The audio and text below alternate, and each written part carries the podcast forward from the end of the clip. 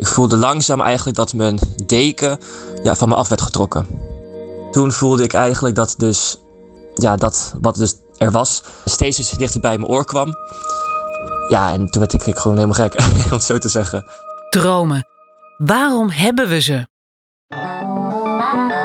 In de eerste reeks van de NTR-podcast Atlas zoeken we het antwoord. In acht afleveringen pluizen we helemaal uit hoe dromen werken. En we nemen de tijd om de wetenschappers hierachter eens echt beter te leren kennen. Wat drijft ze? Ik lag en er lag een badhanddoek over me heen en daarop lagen allemaal schildpadden. Ik vond het zo beangstigend. We beginnen met de duivelse droom. En toen voelde ik echt zo twee figuren, dus voelde ik zo over me heen buigen en een soort duivels gesis in mijn oor. Heb je last van nachtmerries?